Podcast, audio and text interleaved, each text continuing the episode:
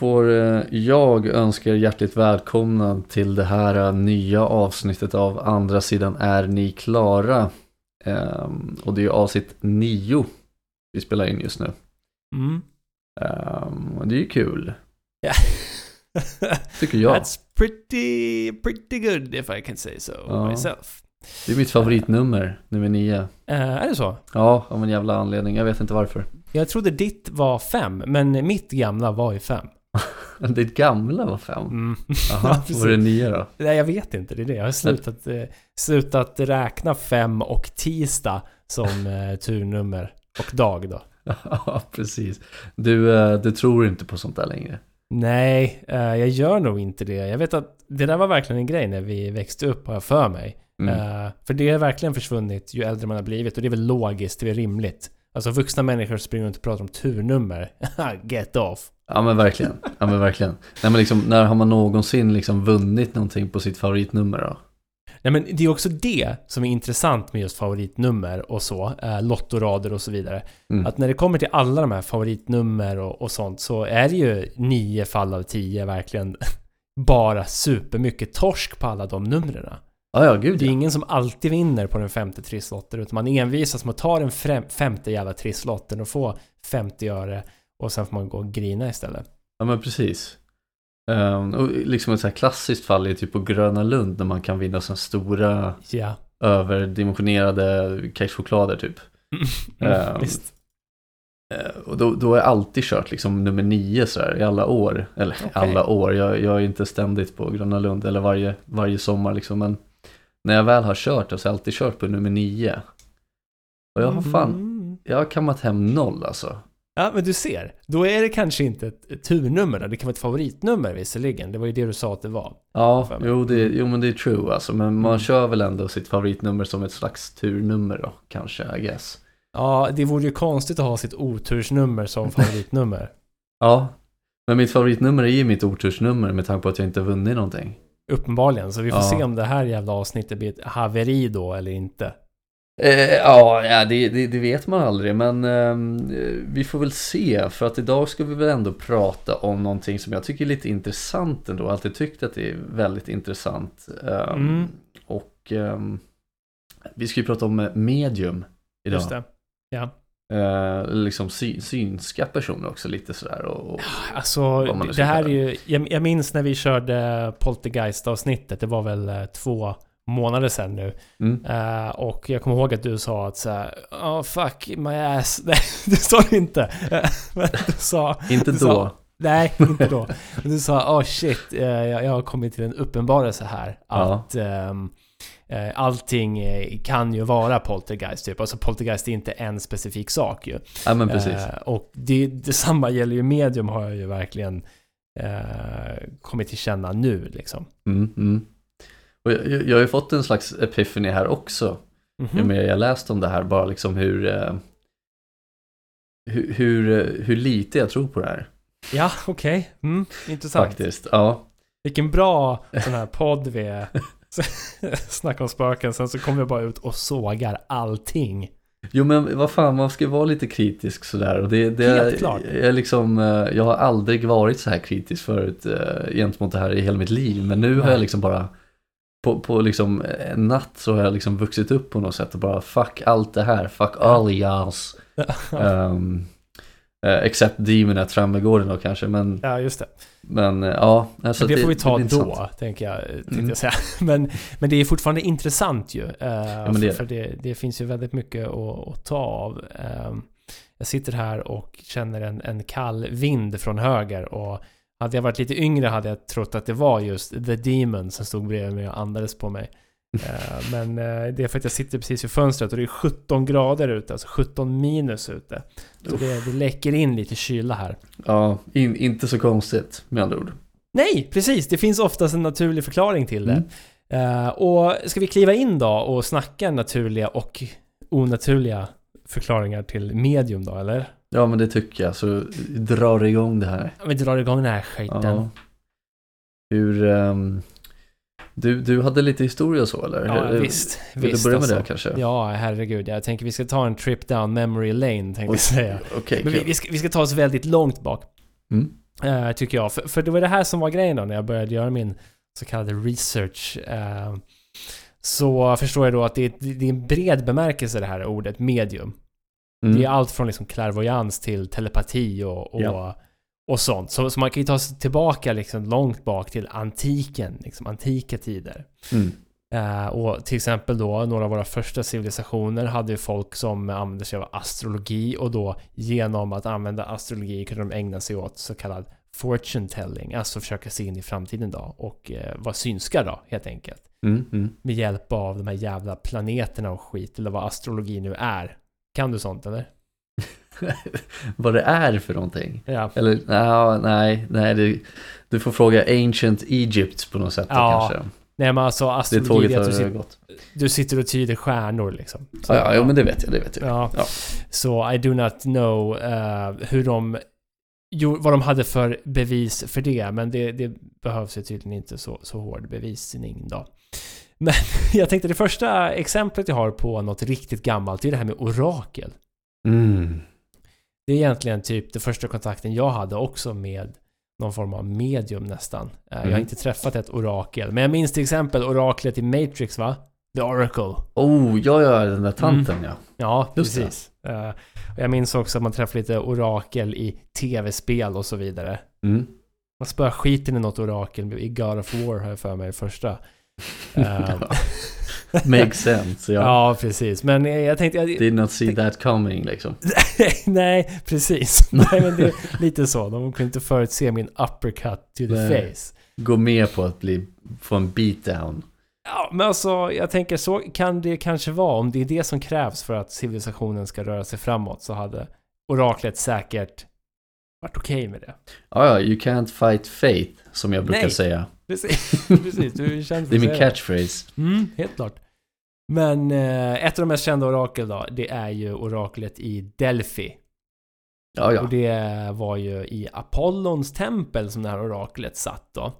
Eh, kallades Mm. också för Pythia, det var liksom titeln. Men oraklet i Delphi är väl det den är känd för. Och eh, jag trodde att det var en kvinna som var oraklet i Delphi. Mhm.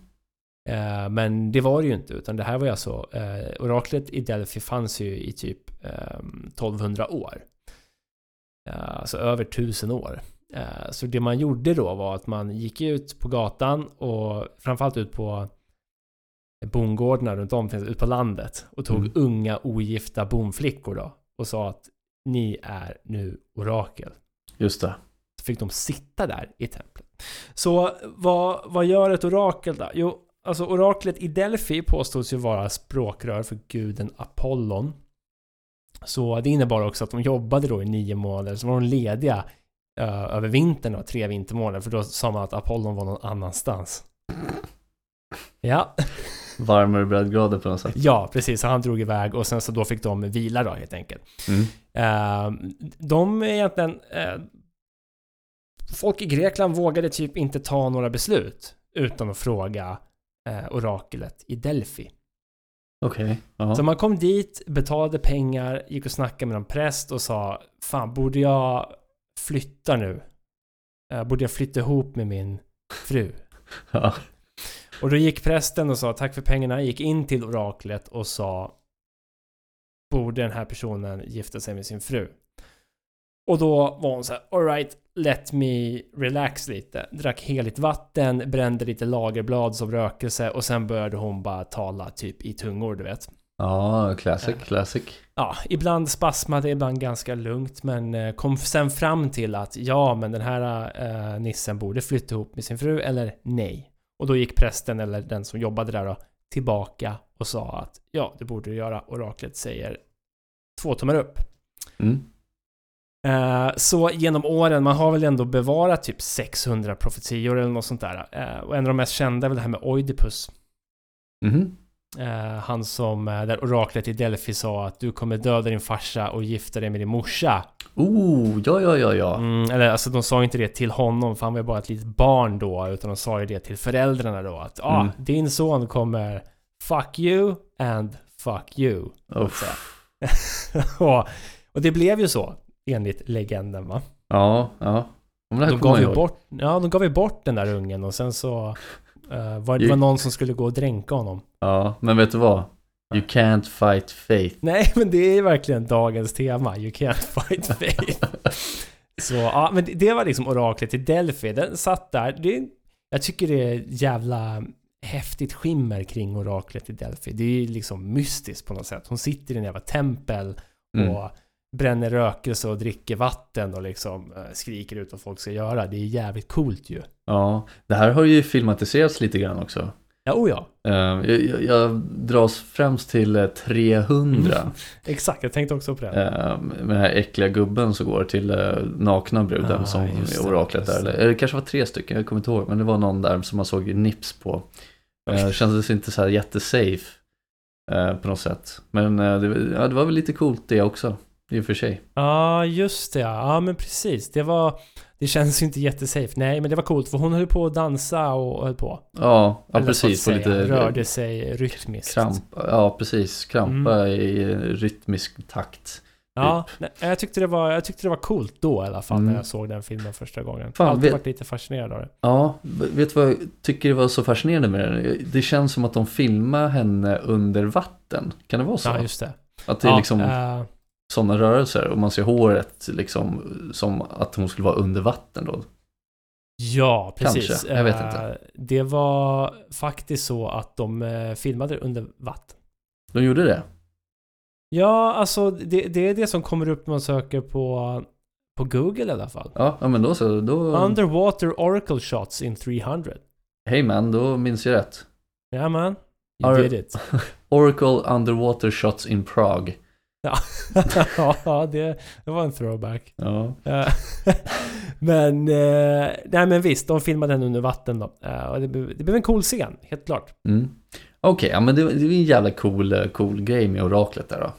Mm, ja men jag tycker det. Men jag tror att man gjorde lite utgrävningar och så i det här templet då, Apollons mm. tempel, på 1800-talet. Och efter de utgrävningarna så kom man fram till en liten teori kring det här oraklet, då, på tal om naturliga orsaker och så vidare. Okej. Okay. Mm. Uh, så det, det, man tänker då, det är att hon satt där inne och andades in då giftiga vulkaniska ångor. Och ja. därmed då hamnade i någon form av trans eller sån här deliriskt tillstånd och uh, därav hela den här proceduren då. Att hon jag tänker om man bara ska se rent krasst på det. Det är alltså grekiska gubbar som går ut och, och rövar bort grekiska bomflickor. In med dem i ett rum där de bara sitter och, och blir snorhöga och skriker vad folk ska göra. Typ. Ja, rimligt. Rimligt. Det är en teori i alla fall. Uh, jag tycker den, den kittlar lite. Ja, jo men verkligen. Den låter ju inte orimlig. Nej, inte helt. Uh, inte helt orimlig. Det gör den inte. Uh, för det där har man ju försökt förklara lite. Men jag för vi pratade om det förut också alltså poltergeist-aktivitet eller folk som ser saker i alla fall. Mm, mm. Ja men precis. Men eh, vi tar oss fram till 1500-talet. Eh, en jävligt cool snubbe den här gången. Ofta när man tänker medium, i alla fall jag, så tänker jag en dam. Ja men jag håller med. ja, precis. Men vi har den kanske mest kända av dem alla är ju Nostradamus. Oh! Ja, för fan. Mm, mm. Just Han, det. Eh, eller som han egentligen hette då, Michel de Nostredam. Uh, han var en fransk apotekare typ. Apotec apothecary. Ja, uh, nu, nu då, kommer det fram här. Ja, precis. Men han var då också synsk och ja. skrev ner sina profetior. Just. Uh, så han gjorde ju sin Les Prophecies från 1555 uh, och totalt hade han väl över typ 6300 profetior eh, om eh, framtiden och så vidare. Eh, och han är en sån man ofta kommer tillbaka till när det handlar om typ 9-11 va? Var det inte något sånt? Jo, visst fan var det 9-11 va? För mig, det sägs, alltså han, alla stora världskändelser har ju folk på något sätt kopplat tillbaka till Nostradamus. Just för att hans profetior också är skrivna i en väldigt, med väldigt bred pensel om man säger så. Mm, mm, mm. Det kan ju täcka in det mesta. Det är inte så här specifikt att Jo, om han Osama bin Laden. Det är inte så det står liksom i eh, profetian. Nej, nej, nej. Men alltså, jag tänker också, för att vara helt krass här nu, om man kommer fram med liksom, vad var det, över 6000? 6338 tror jag. Okej, okay, specifikt. Mm. Uh, ja men liksom sådana, så många liksom profetior. Det är klart som fan det måste vara några som slår in på något sätt. Ja. Ett eller annat sätt. Ja men alltså precis, några exempel är ju att han verkar förutspått sin egen kungs död. Ja, men det är väl inte så svårt med tanke på att kungar dör ju till slut. Ja. Precis som alla andra. Hitlers invasion av Polen, Sjukt. alltså ganska många år senare. Eh, och angreppet mot World Trade Center då. Ja, ja precis. Ja men det, det, det är ju svindlande tanke att han eh, ändå lyckades ta dem där då. Ja, Som precis. ändå i ganska modern tid eh, sett från hans eh, synvinkel. Ja, jag, jag tycker också att en, en så här härlig fråga som kommer upp på Google, de har ju en sån ehm, tjänst nu att det ofta kommer upp frågeförslag när du googlar på någonting. Just det. Eh, och då står det vad sa Nostradamus om 2022? Och då står det Mm. att han har inte gjort några profetior för 2022. Han har enbart skrivit en mängd kryptiska verser som inte talar om några specifika tidpunkter. Så vi vet ju inte vad som kommer hända. Vad han har sagt. Fan vad jobbigt att inte veta som ska, vad som ska hända. Ja, ja. Verkligen, verkligen. Ja. Eh, men vi, vi skiter i Nostradamus. Han var en sån som folk brukar referera till när det kommer till medium i alla fall. Så vi har tagit oss hela vägen eh, från då oraklet i Delphi till Nostradamus. Och sen ska vi landa där vi alltid landar nu för tiden. Det är 1800-talet i USA. Spiritismen nu. Oj, det som oj. verkligen satte igång Ouija boards, det satte igång andefotografering. Satte igång allt jävla skit som vi har suttit och pratat om nu typ. Ja, ja men verkligen. Ja, men det är intressant, Och- kul. Ja, nej men precis. Och det, och det är här vi börjar liksom ändra den här definitionen nästan. Så som jag tolkar det så är det här någonstans definitionen börjar ändras. Från att vara någon form av, eh, vad ska man säga, framtids, alltså spå person, typ av profetior, vara ett orakel, så här, se in i framtiden, se åt folk vad de ska göra, använda sig av stjärnorna och så för att liksom tyda vad som ska hända Mm, mm. så börjar man switcha över mer till att det är de dödas andar som kan prata igenom ett medium då. Mm. Och där har du, du har massa exempel på folk där jag tänker inte gå igenom massa namn, men det kan vara värt att komma ihåg att det är också här det teosofiska samfundet liksom skapas. Och vi kommer återkomma till det lite senare när jag pratar om ett specifikt medium. Bara Okej. lägga det på minnet. Eh, Så då håller man på i alla fall och säger att nu jävlar, nu kan vi snacka med de döda. Och vad tror du händer då då? Då blir det ju kommersialiserat igen ju. Just det. Ja, som man säger liksom 1900-talet, sent 1900-tal. eh, Så blir det ju populärt och kapitalistiskt drivet och folk kan vara så här let us make money. ja. Och det är då man börjar erbjuda sådana här readings då, att man... Alltså allt från tarotdamer, det finns säkert en jättelång historia om tarotkort. Det orkar jag inte ens titta på. ja, det har jag Men- skitit i också. Ja, men precis. Men alltså... Allt det här från att man face to face readings och till och med även på telefon. Att man kan ringa ett medium var tydligen en grej förut. Alltså tjena Benny, hur ser det ut här? Och då säger han, ja, absolut. det är så ja. klassiskt samtal med ett, med ett medium. Jo men precis, det ska inte vara självklara svar men det ska, det ska vara ett absolut någonstans.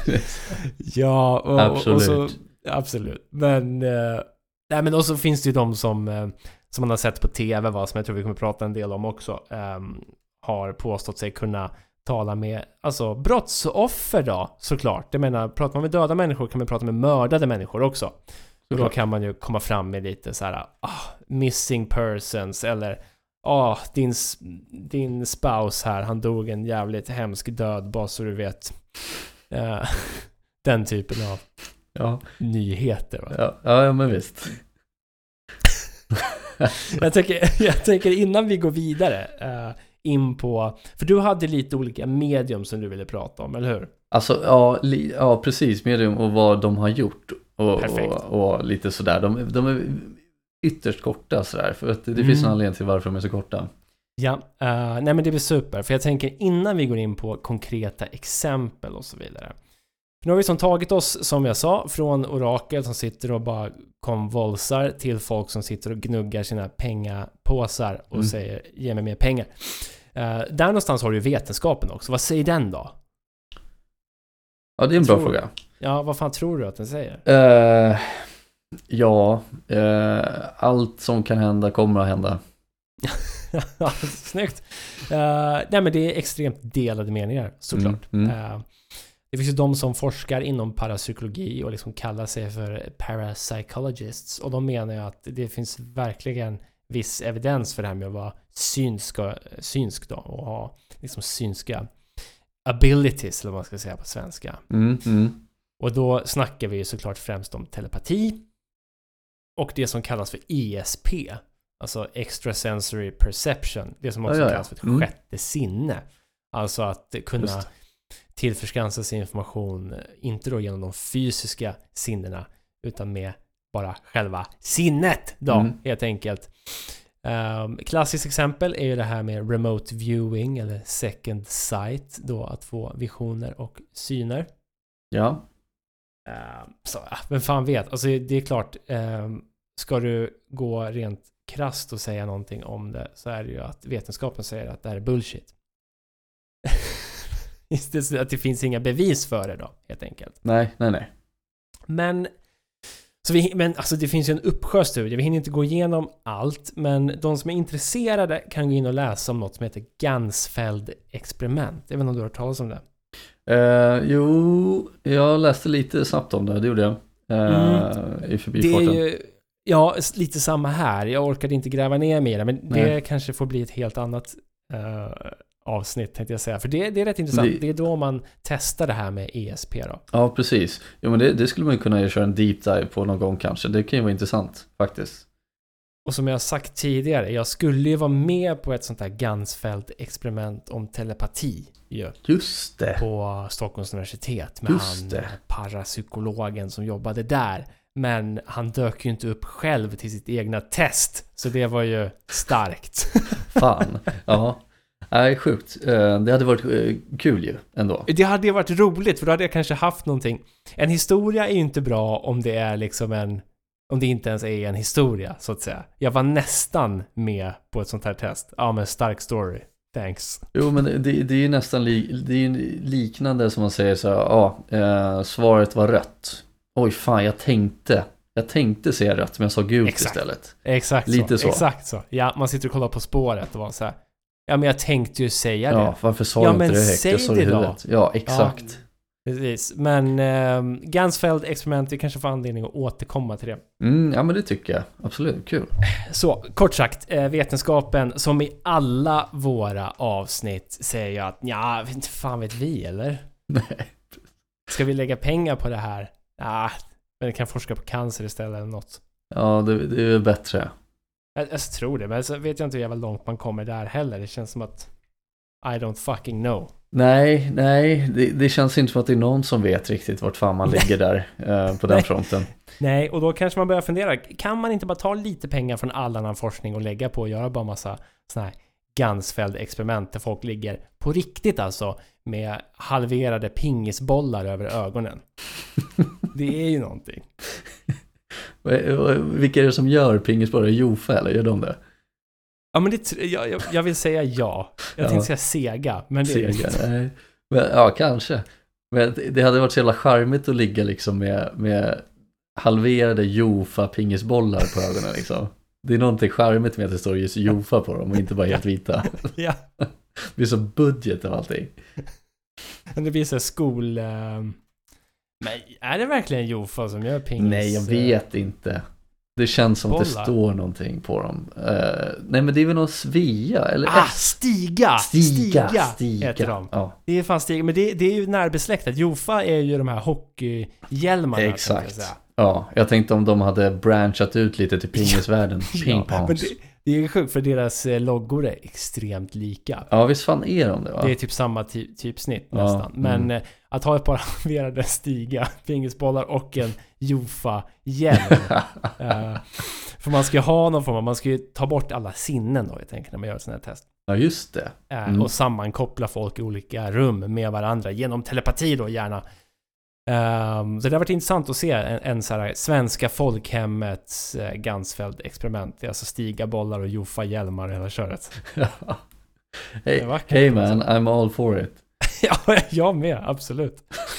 Så, nej men jag, jag tycker vi lämnar vetenskapen, vi lämnar historien, för alltså medium, man skulle kunna göra ett avsnitt om varenda typ av medium, för att det är Ja. så jävla brett. Så jag tänker, nu har vi fått en liten rundown, Vill du hoppa in med lite eh, små exempel då? Sådana här som du, du hade Ja, fram. Ja men absolut, det kan jag göra. Ehm, och liksom innan jag börjar här nu så, så Mm. var ju lite en foreshadowing här som jag sa i början av avsnittet att jag verkligen inte tror på det här längre.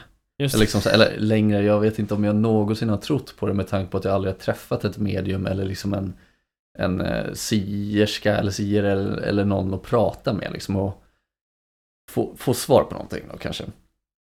Nej men jag, jag, jag, har, lite, jag har lite fall här eller liksom eh, sånt där för jag när, när vi sa, när vi kom fram till vad vi skulle prata om så tänkte jag så här, fan det hade varit så jävla intressant att liksom eh, kunna få fram när polisen till exempel har tagit hjälp av olika medium och, och sådär för att få hjälp, ja men liksom ouppklarade fall eller liksom eh, försvunna människor och allt sånt där liksom. För det borde ju vara så jävla, det är liksom, hade allt det här stämt så hade det ju varit liksom medium som jobbade på varenda jävla polisstation världen Ja. runt, såklart. Visst, visst. Eh, Det kommer in en morsa, tja, eh, min dotter eh, har försvunnit, hon har varit borta i tre dagar nu. Ja, första frågan hade väl kanske varit varför har du inte kommit tidigare, men skitsamma. men då är det någon som Mm. bara så här kan gå in i huvudet eller liksom så här, ah, kan jag få hennes tandborste eller något sånt där. Oj shit, ja. Eh, Mm. Hon är fast på, i bollhavet på McDonalds eh, nerför gatan, gå dit, så är hon där. Ja, Och så klappat och klart. Precis. Men det är inte riktigt så det fungerar. Um, såklart. Först och främst så fungerar det ju inte så eftersom att det inte är eh, helt legitimt det här. Det är ju ingen uh, riktig, eh, det är ingenting som, eh, vad ska man säga? Det är väl ingen som har kommit fram till om det stämmer eller inte. Eh, precis. lite så. Så att, eh, ja men polisen sköter väl sitt. Men jag har väl tagit upp lite några fall som jag tyckte var intressant för att det finns en röd tråd genom de flesta av dem i alla fall som jag tänkte ta upp sen och prata lite mer ingående i. Mhm, mhm. Eh, men jag börjar med, eh, hur ska jag säga, jag börjar med Joseph McMoneagle. Jag vet inte fan hur man ska säga hans namn. Ja, Jag kallar honom för Joe. Som att det är hans McMoneagle. McMoneagle, McMoneagle, ja.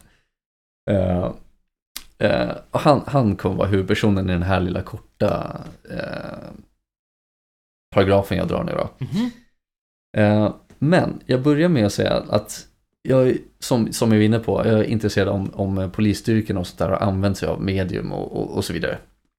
Eh, men det fanns faktiskt i eh, mellan 1978 och 1995 så använde man faktiskt medium i hemlighet inom den amerikanska militären.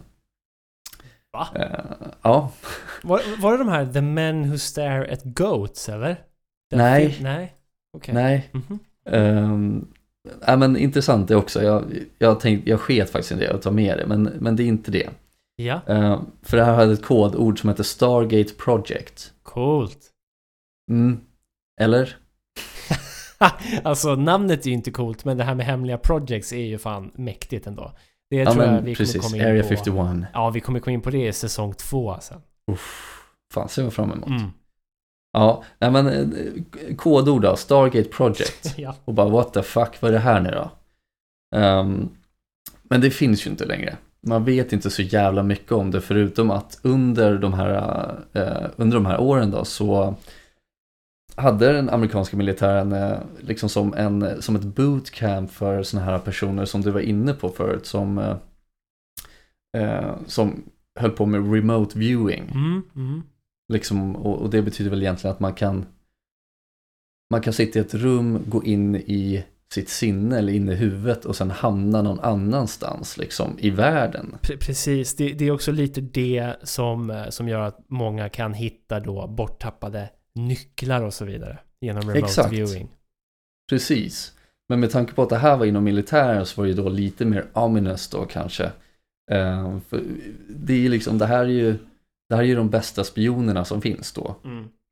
Det kan sitta en gubbe då, ja men som Joe, han sitter inne i ett rum eh, i Pentagon nu eller vad fan han är någonstans och liksom och så blir han en fly on the wall som till exempel i, en liksom eh, kärnvapensfabrik i Kina. Ja, just Där har han varit och gluttat omkring. Har han det alltså? Ja, det har han.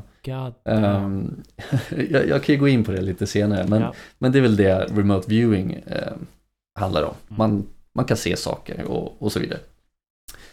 Ehm, men så Joseph då, han var, han var, han var en eh, pensionerad officerare faktiskt. Ehm, och det här var på sent 70-tal.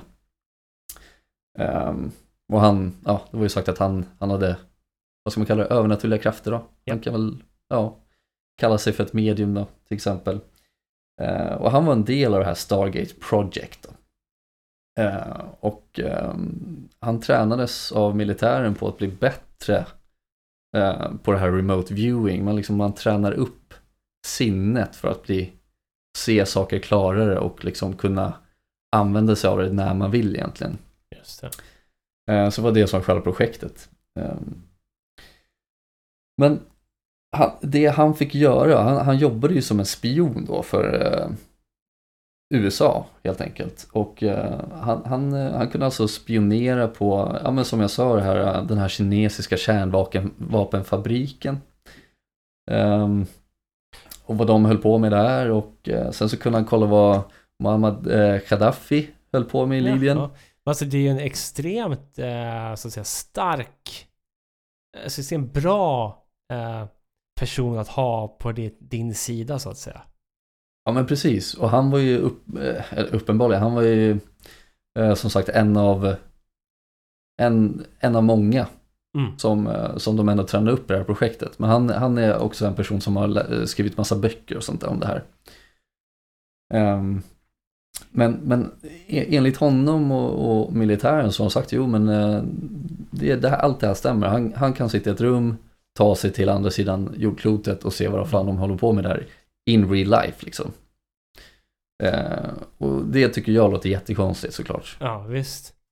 Så jag tänker att efter varje sån här liten, eh, liten eh, historia eller berättelse som jag tar så kommer jag komma med lite input om vad jag tror. Ja, Låter det bra? det låter svinbra. Mm.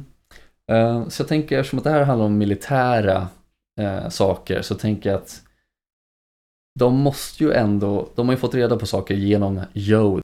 Men jag tror ju att självklart så, så vill de ju inte outa att de har haft spioner på plats på de här ställena. Som har fått reda på saker och sen fört det vidare till eh, ja, men Amerika då. Det vore ju en fara för dem. Ja, men då kanske det blir massavrättningar eh, eller och så vidare. Mm. Så att jag tror att de bara, de har bara dragit till med någonting så här. Jo, men vi har en, vi har en eh, fly on the wall spionfabrik här i USA eh, som kan se vad ni gör utan att vara på plats. Så att ni, det är inga, inga personer på plats där som har sett någonting. Det är han som sitter här i bunkern hemma. Men fatta vilket psykologiskt övertag om motståndarsidan också tror på det. Ja, men precis. Mm. Vi har Joe här i bunkern. Ja, men exakt. Mm. Joe är liksom eh, Giant Joe Ja, på något sätt. Ja, ja Eh, verkligen. Nej, men han, han är ju sånt livsfarligt eh, weapon då på något sätt. Mhm. Ehm, och eh, ja, jag vet inte vad jag tror om det där, men jag, jag tror inte riktigt på det. Jag tror mer att det är folk på plats och att de har skyddat de identiteterna helt enkelt. Ja. Genom att ha sagt att det är någonting övernaturligt. Och eh, jag, jag tror också att det, det händer väl rimligtvis eh, runt hela världen. Att folk, ja det är väl någon som börjar med att säga att de har remote viewing och så vidare och så säger Ryssland att de har det och sen så kommer Lagos i Afrika och säger att de har det och, och liksom Indonesien, nej men du vet. Ja, frågan är ju hur många som gör det idag då, tror du? Ja men ja, det vet jag inte. Nej, nej. Eller så stämmer allt det här och alla bara håller tyst om det för de vet vad fan allihopa håller på med. Mm. Vem vet, jag vet inte. Ehm, men eh, jag tyckte det var lite intressant för det var väl just Mhm. militära aspekten av. Jag ville ju, som jag sa, jag ville hitta de här polisfallen och så vidare. Men jag började med ett militärt fall. Så det, det var Joe McMonigal. Mac eh, Monogamy. Ja, precis. Men då så, då, då kommer jag komma till de här lite kortare fallen. Jag kommer bara beskriva dem snabbt, vad som har hänt och, och vad de här medierna heter och sådär. Eller Ja. medierna. Medium, me, hur säger man i plural? Med, alltså, jag vill Medium. säga medier. Men Medier, då, då blir det ju att man snackar om eh, ja men typ sociala medier och Exakt. så medium... Eh, Medium. Medium tror jag faktiskt att det är. Eller hur? Ja. Måste det vara. Ja. Det är som eh, One Moose, Two Moose. På något sätt. One moose, two mice. Ja, kan man också säga. Ja. Nej men så här då. Eh, då har vi en som heter, eh, nu har vi också ett namn här. Antingen kan det vara Philip ja. eller Filippe. Jag vet inte riktigt. Mm, Filipe. Jag kallar honom för Phil. Ja, snyggt. Ja, så Phil Durant heter det här mediet då. Mm. Med, mediumet. Mediet. Hur som helst. Eh, när en australiensisk kvinna vid namn pa- Paula Brown försvann 1996 eh, så, kontaktade, så kontaktades eh, Phil då eh, av eh, hennes man som, eh, som undrar vart fan hon har tagit vägen då såklart. Men eh, av en händelse så bara två, en, två dagar efter det så hittades eh, Paulas kropp vid, eh, vid vägen av en eh, lastbilschaufför.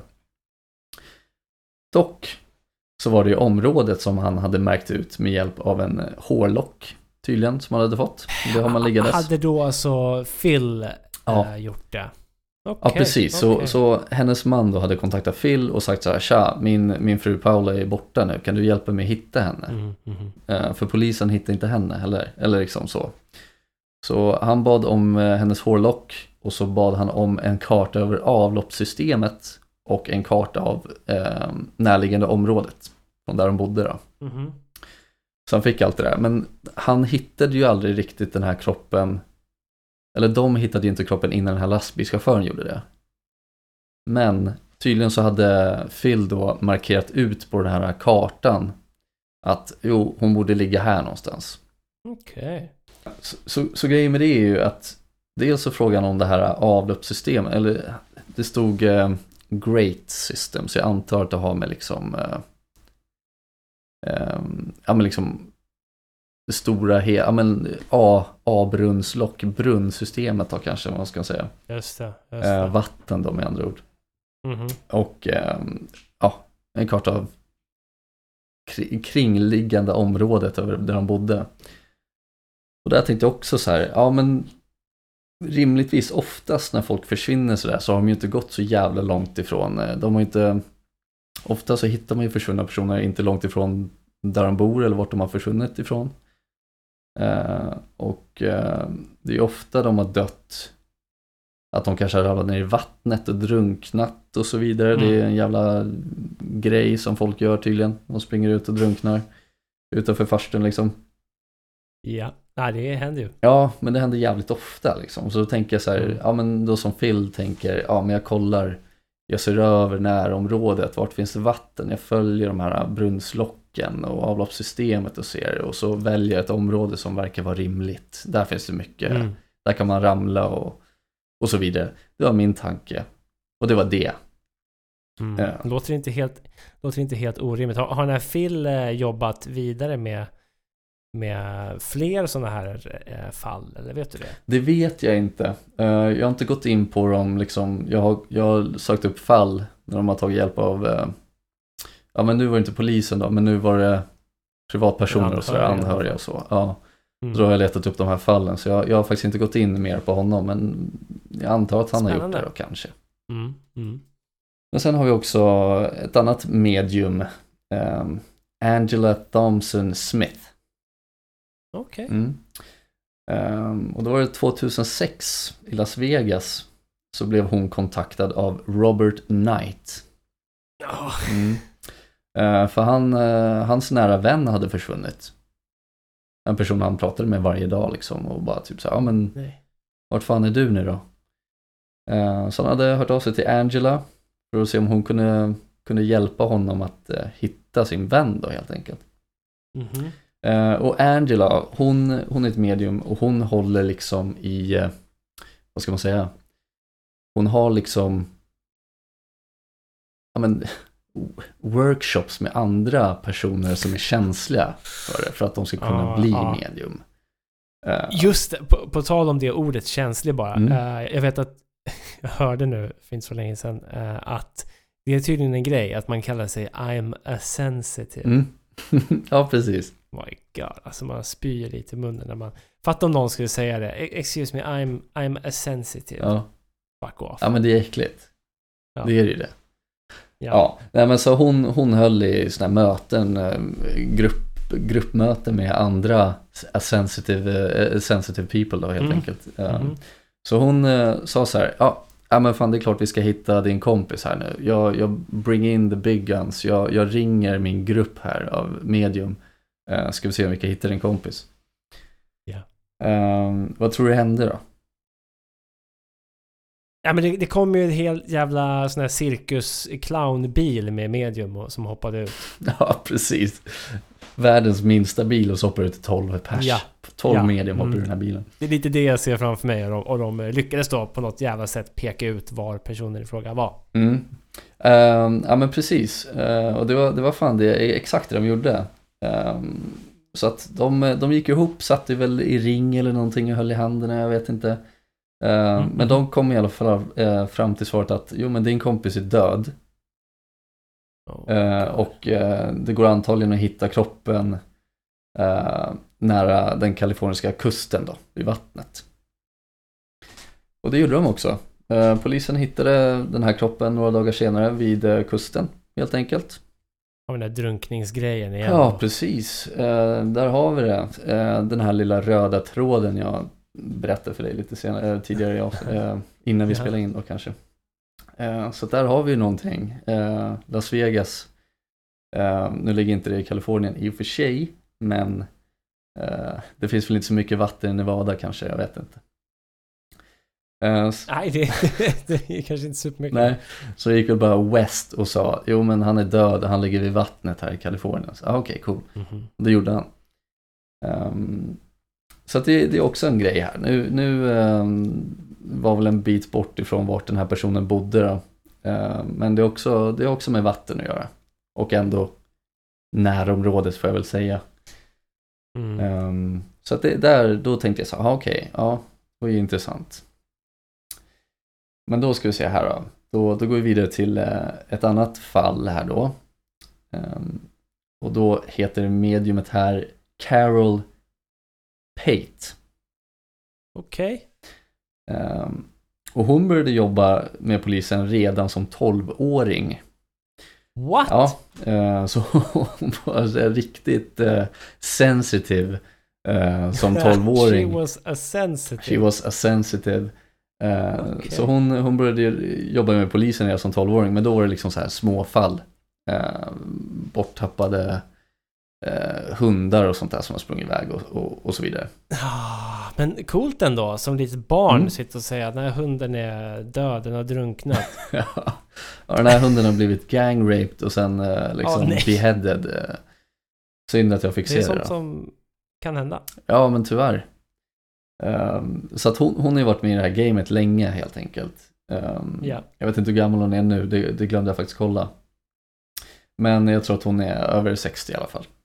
Oj, oj, oj, okej. Mm. Men eh, 2016 då, eh, så började hon jobba på ett eh, 29-årigt eh, gammalt cold case. Eh, som innefattar en försvunnen, försvunnen 55-årig kvinna vid namn Patsy Clark. Eh, Så hon, blev, eh, hon blev, fick förfrågan bara så här, du Carol, kan du kolla på det här eh, cold caset? Det jag lägger på hyllan nu, 29 år. Eh, Den här kvinnan som har försvunnit här nu. Eh, Skulle, skulle du kunna släng, slå en, eh, slå en, eh, slå ett öga på det? Och se vad du kommer fram till. Så hon gjorde det. Um, och um, Då träffade hon de här familjemedlemmarna då till eh, Patsy och ledde dem till en um, koinhägnad som var liksom inne i i skogen nära deras familjehem då, eller huset där, där Patsy bodde. Ehm, som eh, som eh, Carol då, hon hade sett syner av, det här, av den här koinhägnaden så hon sa, ja men vi måste gå dit och kolla. Right. Så ledde familjemedlemmarna in dit eh, och, och, och sa så här. Ja men det här har jag sett i mina syner. Och då kommer de här familjemedlemmarna och sa typ oj shit. Ja men här rörde sig Patsy hela tiden. Hon älskade kossorna här. Hon gick alltid hit och, och sådär. Och eh, vad, vad tror du hände sen då? De hittar väl henne död där någonstans? Nej, de hittade henne aldrig. Men det blev en, de liksom reignitade det här fallet bara på grund av att hon gick till den här koinhägnaden eh, vars eh, Patsys familjemedlemmar sa oj hon brukade vara här. Okej. Och då har det liksom satt igång det här fallet igen på något jävla vänster. Eh, Vet du vad som har hänt i fallet då, eller? Nu... Nej, Nej. nej, det står bara att det är under investigation still. Eh, så att jag tycker att det här är så jävla konstigt för hon uppenbarligen har jobbat med poliserna, hon måste ju fått läsa den här förundersökningen och allt möjligt och liksom eh, vad man kommer fram till och då antar jag att någon av de här familjemedlemmarna har sagt att hon brukade gå till den koinhägnaden. Mm. Eh, och så har de bara sagt det, jo men jag har sett den här koinhägnaden i mina syner, vi går dit. Ja, här har hon varit liksom och sen så har de bara släppt det på något sätt. Okej. Mm. Ja, det är, jag tycker, Jag det är bara- fortfarande intressant eh, på något sätt att hon... Eh, dels att det ens blir en grej att hon går till det här stället. Det kan man ju tycka är lite löjligt då. Att hon går till en koinhägnad och bara... Är det här någonting? Och de säger ja! Cool! Ja. men, eh, ja, men det är alltid det där som är svårt. För jag menar, du säger nu antagligen har hon läst det någonstans eller fått den informationen till sig på ett eller annat sätt. Ja, Men ehm, tänk om, om man skulle fråga henne, tror hon skulle säga att hon hade läst det i polispapperna? nej men det hade hon ju inte gjort Nej. såklart. Men sen vet jag inte om hon har, hon kanske inte ens har läst det men det är liksom, jag, jag förstår liksom inte vad, vad grejen med det här fallet var. Mm. Att, för det här var liksom ett alternativ som jag hittade när jag sökte och googlade runt på, på eh, medium som har eh, jobbat tillsammans med polisen för att hitta ja, men, kroppar då, Mm, kanske, mm. eller försvunna personer och sådär. Så att det, här, det här var liksom ett exempel där, där man inte kom någon vart men ändå tog med det på något Mm, sätt. Och mm. jag förstår liksom inte varför hon ska få cred för någonting som inte är nytt. Nej, nej. Förstår du vad jag menar? Ja, jag, jag tyckte det var så konstigt Mm. bara. Eh, och den här koinhägnaden var ju liksom nära det där huset så jag förstår liksom inte vad, vad grejen är. Men ja, folk trodde på det där så att nu har de börjat leta där någonstans och gått, utgått därifrån. Men det här var ju ändå 2016 så de har väl inte hittat någonting. Det verkar inte ha hänt någonting än så länge. Det vi kan vara säkra på är att den här kvinnan är död sedan länge va? Ja, det, det får man väl ändå påstå. Eh, det kan ju vi kanske säga som inte är medium. Eh, Ja, precis. Kan ringa, vi kan ringa Pat, äh, Patsys familj och bara säga hej, she's dead. Ja, shit. Det hade ju varit hemskt på sätt. Ja, ja men verkligen. Um, då ska vi se, jag har, jag har en, en till Ja, här som jag tänkte var lite kul. Ja. Eh, och han heter Troy Griffin. Och vill du veta när han eh, blev eh, känd av sin, att han var en sensitive då? I mammas mage kanske? Nej, men också vid 12 års ålder. Oj, okej. Mm. Mm. Eh, och då var det att han, eh, hans kompis var med om en bilolycka som han hade sett i en, eh, liksom, i en syn helt enkelt. Mm. Eh, och sagt till sin kompis bara, men nu kommer vara med om en bilolycka här. De var med om en bilolycka, ingen, ingen dog eller sådär, ingen skadade sig riktigt men det var en bilolycka. Coolt. Ehm, ja, jo men visst. Men då, då börjar jag också tänka så här, hur många gånger har inte jag tänkt att någon jag känner ska vara med om en olycka när de åker iväg eller Mm. liksom liknande så. Det, har- det har väl hänt några gånger. Jag har väl inte sagt det högt men jag har väl alltid tänkt på det så här, shit, tänk om ditt plan kraschar nu. Har det hänt någon gång då? Har du fått rätt i den tanken? Uff, eh, nej det tror jag inte. Det är det som skiljer dig och, hette han, Benny åt. Ja men precis. Troy. Uh, Troy, ja den här killen, ja, ja precis. Men det hade ju också varit en grej, hade du till exempel varit med om en tågolycka om du ska ner till Stockholm någon gång? Och så kommer du fram och säger, fan jag var med om den sjukaste tågolyckan nyss. Mm. Och så kommer jag säger, fan jag skulle sagt något. Jag, jag, jag, jag såg att ditt tåg skulle liksom krascha, men jag sa ingenting. Ja. Men fan, det blir den där grejen igen. Eh, men i alla fall, han, eh, då märkte han att han var sensitive helt enkelt Ja. vid 12 års ålder och började pursua en karriär inom det där. Då. Ehm, och när han, han började väl egentligen med att va, jobba som ett medium sådär när han var eh, 32 år. Man har varit sensitiv innan då, från 12 års Okej, ålder. men sen förstod han att han kunde tjäna pengar på det. Ja, precis. Uh, ja, men det var faktiskt ett annat medium som, eh, som kontaktade honom och uh, frågade om han ville hjälpa till, uh, hjälpa till med ett ouppklarat mordfall All i right. Bronx, Ja. New York. Um, och då var det så att det var, det var en kvinnas bror som hade försvunnit helt enkelt. och Troy då eh, nästan direkt berättade för polisen att eh, eh, men, eh, den här brorsan han är ju väldigt nära hemmet eh, och han ligger i vatten. Han är död. Men fan, alltså landar man alltid i att personen är död och ligger i vatten typ? Ja men det, det i liksom majoriteten av fallen jag har läst om så eh, har det varit, är det här nu? Är det tredje eller fjärde, fjärde, tror jag. fallet? Ja. ja. Eh, och ja, kroppen hittades indeed några dagar efter i vattnet nära hemmet. Ja, det är starkt alltså. Ja, och liksom så här, ty- det, är, det är sån jävla genväg att ta på något sätt. Att det är någon som har försvunnit, eh, säg Bronx då, New York, det känns väl inte så jättesafe ställe där kanske. Eh, att bo på, jag vet inte, jag har aldrig varit där. Det känns som att det är lite, kan vara lite farligt ibland. Kan det vara ja. Och, och Mm. bara säga det, ja, eh, nu ska vi se, jag ska kolla kartan, där finns det vatten. Ja, men han är död, Eh, han, eh, han är vid vattnet här. Ja. Och så går de och kollar och ja, det är klart som fan han är död och ligger i vattnet. För det är, det är där folk dör, tydligen. Where people come to die. Så är det ju. Ja, ja men precis. Mm. Så att min röda tråd i det här är att de bara gissar eh, på, på det mest trovärdiga som har hänt Ja. och eh, ibland så stämmer det och då får de eh, ja, credibility och eh, kan fortsätta tjäna pengar som eh, medium. Starkt. ja, kanske, jag vet Ja, inte. nej, men jag, jag tycker det är, det är en rolig, rolig röd tråd du har identifierat i alla fall. Helt klart. Ja. ja, nu har inte jag gått igenom alla fall, men de jag hittade, som jag, det var väldigt många som eh, hade just det här med vattnet och, och det där. Ja. Det tyckte jag var intressant. Tänker vi kan eh, fortsätta på det spåret då.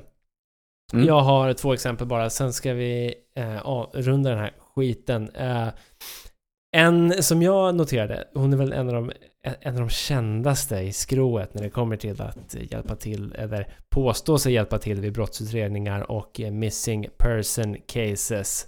Det är Sylvia Brown. Hon är alltså Mm. en amerikansk författare. Hon har skrivit är det 40 böcker om det övernaturliga. Shit, Eh, mycket att säga. Ja, men visst. Phenomenon, Everything You Need To Know About The Paranormal och eh, If You Could See What I See och så vidare. Hon var ofta med på tv och sådär, typ Larry King och så vidare. Okej, ja. Och hade Mm. också ett radioprogram, precis som vi. Hon hade, hon hade en sån här Mediumpodden. Mediumpodden. Det var väl dåtidens eh, motsvarighet till Mediumpodden, I guess.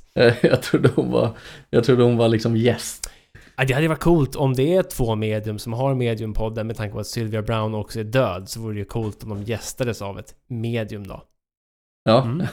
ja. Men hon var ofta hon var liksom ett tv-medium kan jag säga. Och hon- hon påstod sig då vara mer än 85% korrekt när hon höll på med sina eh, borttappade personer och eh, mördade människor då. Så hon sa att, ja men alltså jag har 85% av fallen har jag rätt hon. ja, ja. Men en närmare granskning av hennes eh, liksom, gissningar, eller vad man ska kalla det, visade att hon hade inte ens mestadels rätt i ett enda fall. Svinkass helt enkelt. ja jävlar vad Mm. dåligt. Och så åkte hon, till, hon åkte dit för, för stöld och fraud på 90-talet också. Ehm, men ändå så hade hon kvar en rätt stor liksom, following då, fram tills hon dog Mhm. 2013. Okej. Nio år sedan. Så, Ja, ja. nej men jag tycker, jag tycker hon är så intressant. Det finns så mycket att läsa om den här Sylvia Brown. Hon har skrivit massa böcker. Hela hennes, eh, vad heter det, bibliografi ligger ju liksom på på Wikipedia. Den är väldigt lång. är den, helt Mm, klart. mm. Men jag tänker att vi kanske ska ta oss till, till eh, Sverige. Åh, fan äntligen. Och kul. den just nu kanske mest omtalade svenska konstnären, alltså Hilma af Klint. Hon var ju ett medium, kan man nog kalla henne ändå. Jo, Och, sensitive. ja, hon var, hon var känslig. Hon var Nu när man läst lite om henne, eller jag har läst lite om henne, så man kom ju fram till att hon var en eh, intressant karaktär. Konstnär, bara det är ju intressant. Eh, hon var teosof, som jag nämnde tidigare, och eh, höll på med abstrakt liksom, måleri. Jag Mm, att vi, mm. vi skiter lite i hennes uppväxt. Hon var ju liksom en, en sökare då, kallas hon.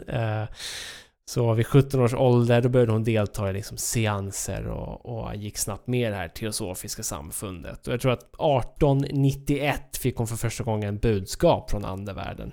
Det var ganska länge sedan. Okej. Ja, det är, det är absolut ett tag sedan. Mm. Ja. Så hon gick med i något som heter Edelweissförbundet. Det vet jag inte riktigt vad det är. Alltså jag satt och läste, jag förstår ju inte de här gamla förbunden, du vet, som håller på med några obskyra religiösa eh, inriktningar liksom. Men hon och fyra andra bröt sig ur det här förbundet och ska startade liksom en superhjältegrupp som de kallade för De Fem. Uff. The Five. The Five, precis ja. Ja, så The coolt. Five började meditera, äta vegetariskt och liksom plugga den här teosofiska läran då. Mm, mm. Och eh, en av de fem som hette Sigrid Hedman, hon började hålla i seanser efter de hade läst Nya Testamentet tror jag. Så körde de igång med seanser.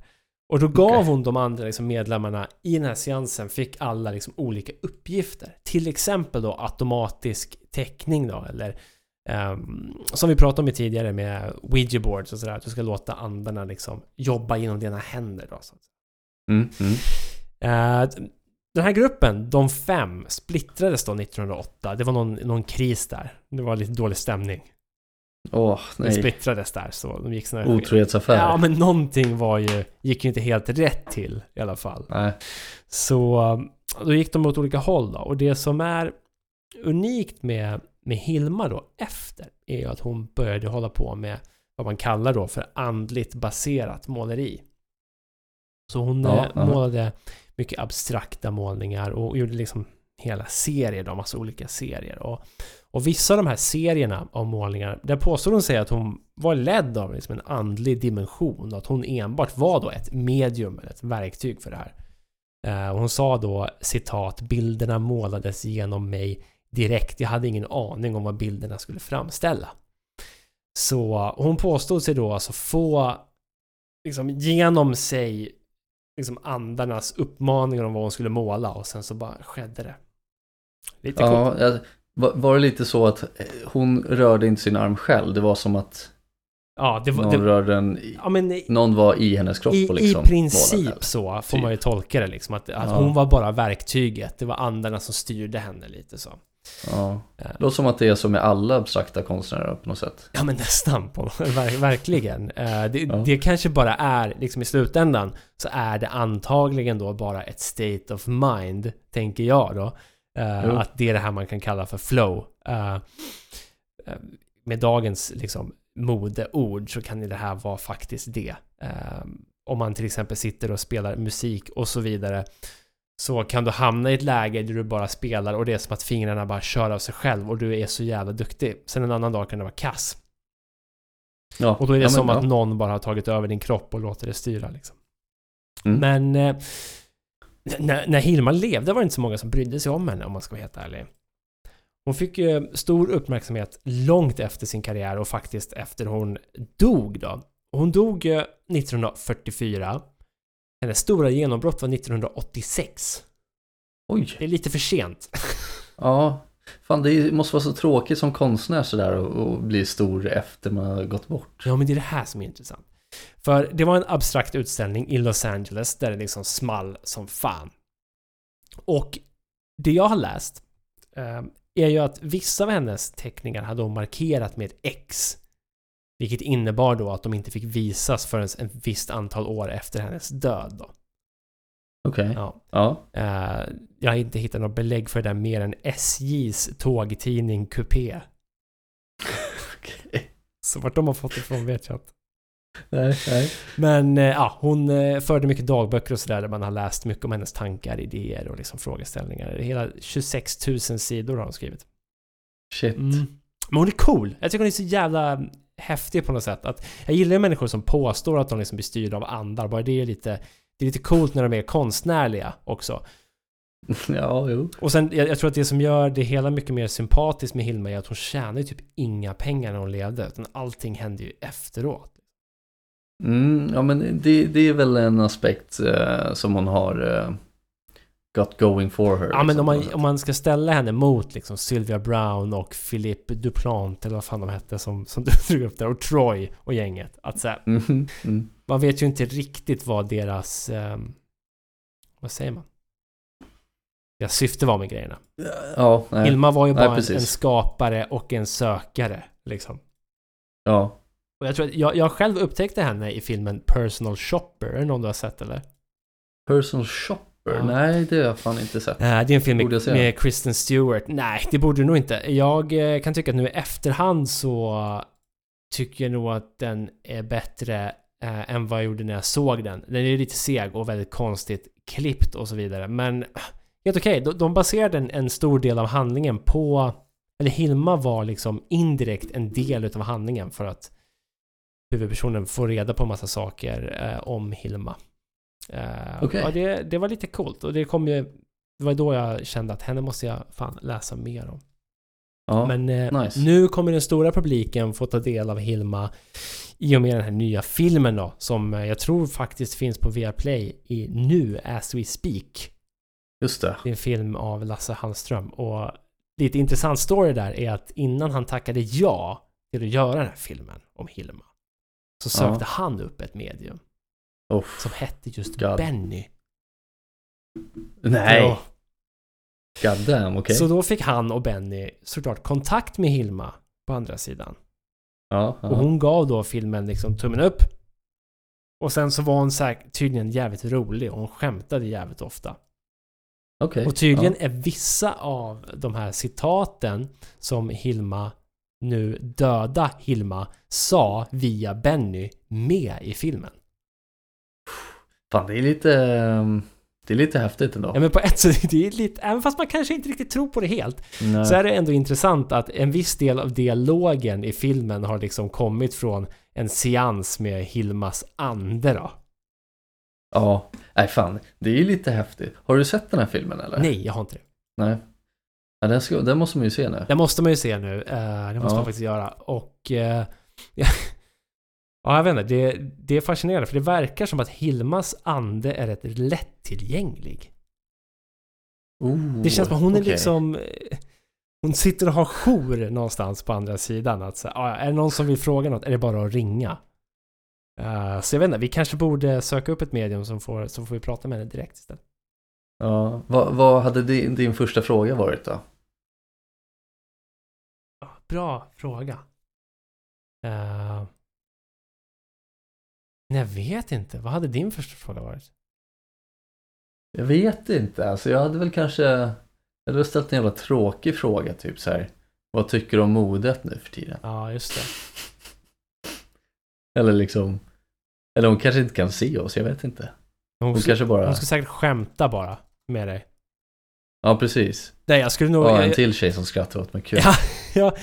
Story of my life. Men, men jag- skulle kanske fråga henne vad hon känner kring att ha blivit så känd efter sin död. Oh, ja den är bra Den är bra Faktiskt. Jag tror nog att lite det var liksom... Vad, vad tänker du kring det? Ja Ja, ja den, den är inte dum Eller så kan man liksom fråga Alltså jag antar att folk har frågat vart hon är någonstans också Mm. Liksom så här hur, vart, vart är du? Ja. Hur ser det ut? Är du själv? Eller liksom så här Hur funkar det? Mm. Varför har du inte gått vidare i så fall? Alltså så Det är också intressant tycker jag Mhm, Visst. Ja, shit Ja, nej, jag tycker, jag tycker Hilma är jävla häftig. Jag liksom tittar på, på, på gamla bilder på henne också. Det känns som att hon har någon, någon viss... Hon har en viss blick som är lite... Man, man, den är lite fängslande på något sätt. Det känns som att det, det hände mycket i den hjärnan. Sen vad fan det eh, betyder, det vet jag inte. Nej, ja, jag ska kolla här nu, ja precis. Men, men eh, hur, hur gick det för de andra fyra då? Var det någon av dem som höll på liksom med, med någonting på den här nivån? Oklart, det var ju hon, eh, vad hette hon då? Siv va? Eller vad fan hette hon? ehm, Sigrid som höll i seanserna, det var väl hennes grej. Ja, Ehm, ja, Men, eh, ja det här är ju men annars... alltså. eh, annars vet jag fan vad de, vad de gjorde efteråt. Det var någon av dem som jag tror, det kan jag helt fel, men jag tror att någon av dem gick vidare till att jobba inom vården och sedermera blev liksom Hilmas mammas sköterska. Okej. Ja, det är ju Så sjukt. då var de väldigt bra polare. Ja, ja. Fortsatte efter det. Okej, ja shit, fan vad intressant. Jag måste läsa mer om eh, Hilma faktiskt. Jag har inte gjort det så jävla mycket. Eller jag har inte Mm, gjort det nej men det kan jag rekommendera. Det kan jag rekommendera alla att göra. För det, hon har ju verkligen blivit household nu. Jag tror att för folk inom den abstrakta liksom konstvärlden Mm. så har hon nog varit ett namn sen den här äh, grejen i LA på 80-talet. Just det. Uh, alltså hennes Alltså hennes tavlor har ju gått för sån sinnessjuka mängder pengar. Eh, och det har varit utställningar på många, många fina ställen. Och så, Mm. Eh, men jag tror att nu för gemene man så är det först på senare år som man har börjat få upp, få upp ögonen för henne. Ja, ja precis. Så, även, så även jag. Ja. Ja men fan bättre sent än aldrig I guess. Coolt ju. Visst. Ehm, ja, nej men det var väl det. Man kan väl avrunda också med att säga bara att det finns ju otaliga exempel på folk som blivit sönderbluffade av medium och blivit av med sina pengar. Ja. Och det finns också då många tekniker som medium använder. Jag har några människor som har läst om några som har sammanställt liksom en lång lista med tekniker som medium använder för att manipulera folk. Okej. Eh, till exempel att, att be dem att aldrig berätta för någon att de har kontakt med ett medium under tiden Mm. de har de här träffarna. För att på så sätt inte liksom kunna varnas eller ledas bort Mm. från mediumet. Ja såklart. Det är viktigt att du inte berättar för någon att du är här för då, då försvinner min magiska kraft här. Ja, ja men såklart. Det är rimligt. Minns du James Randi? James Randy. Oh, var det här med program och tv, alltså på typ femman Ja. eller någonting? Ja, alltså han är ju en illusionist och liksom utbrytarkung om man ska kalla honom. Eh, men han är framför allt eh, skeptiker. Okej, ja. Och han är ju... Jag skulle nästan vilja kalla honom för militant skeptiker. Nu håller han inte på, han spränger ju inte medium med handgranater Nej, precis. nej. Men fast det vore charmigt på sitt sätt. Det vore ju Absolut. hemskt såklart. Men, Underhållande men det också. vore någon form av, någon form av märklig aktivism från en skeptiker. Ja, mycket. Eh, men, men, men han har ju, eh, han har ju Jam, James Randi Educational Foundation och de delar ut ett pris på en miljon dollar till den som kan bevisa att olika saker är sanna, Mhm. till exempel. Och till exempel då clairvoyance finns med på den listan. Så det finns många av de här mediumegenskaperna att om du har möjlighet att bevisa bortom allt rimligt tvivel att det där är sant, då kommer han ge dig en miljon dollar. Och det erbjudandet gäller ju än idag. Ja. Det, det, är, det, är det mycket saker på den här listan eller? Ja, väldigt mycket. Ja. Jag kan ju tycka att eh, Säg nu att man, eh, man har ett Man har ett bulletproof answer liksom. Ja. Man har svaret på vad, vad det här nu är, säger vi. Mhm, mhm. Då känns ju en miljon dollar som en väldigt liten summa att få. Ja, alltså för att bevisa någon form av kontakt med döda andar så känns det som att man kanske skulle vilja ha lite mer. Ja, Nu med inflation och ja men exakt. Men, Tänk på en nolla eh, där. Ja, men, han, ja, verkligen. Men han är ju en intressant figur den här James Randi. Eh, jag vet att när vi pratade om eh, svenska Ghost Hunters Mm. så lollade vi lite om, om att det finns eh, såna här spökkryssningar. Just det. Just Ja. det. Vet du vad, vet du vad Randy anordnar? Skeptikerkryssningar. Jag alltså, vad är det för fel på folk? Vad är det med människor att hela tiden anordna kryssningar för det de brinner för? Men, är inte det liksom bara så jävla konstigt eller? men alltså okej, så här du får, Det är skitkonstigt. Ja. Men du får, du, får, du får ett val här nu. Vilken kryssning åker på. är det svenska Ghost Hunters kryssningen? Eller så är det skeptikerkryssningen med, med James Randi. Alltså, det är... Vilken är roligast Alltså, tror du? Nej men alltså Ghost Hunter-kryssningen är väl roligare? Det måste ju vara roligare. Ja, men jag har också exempel på folk som har... Det är också sjukt, jag tog fram det, för det tyckte jag var en viktig detalj i min research. Att det var någon tjej som hette Susan som har träffat sin... Hon träffade sin man på en skeptikerkryssning. Ja, fint.